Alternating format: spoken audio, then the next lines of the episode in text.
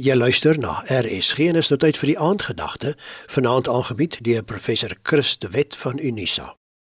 In hierdie week reis ek saam met u deur Galasiërs 5 vers 22 en ons gesels oor die vrug van die Gees. Twee eienskappe wat Paulus uitlig oor die vrug van die Gees, saam met liefde, is vreugde en vriendelikheid. Wanneer God se Gees in ons woon, kweek dit vreugde en vriendelikheid.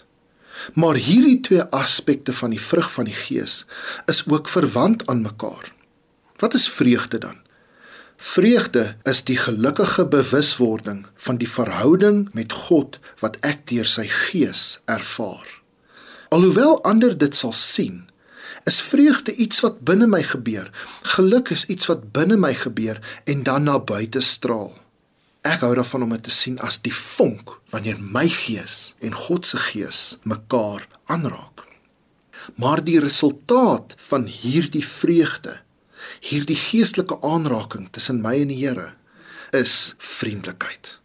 Wanneer ek hierdie vreugde in my het, kan ek dit ook deel met ander.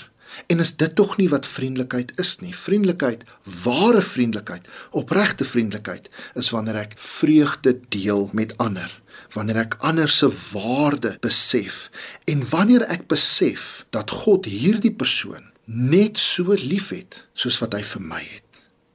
So kom hierdie twee pragtige eienskappe van die vrug van die Gees saam en so maak dit ons 'n mens wat vreugde na ander kan uitstraal en so word ons ook vriendelik.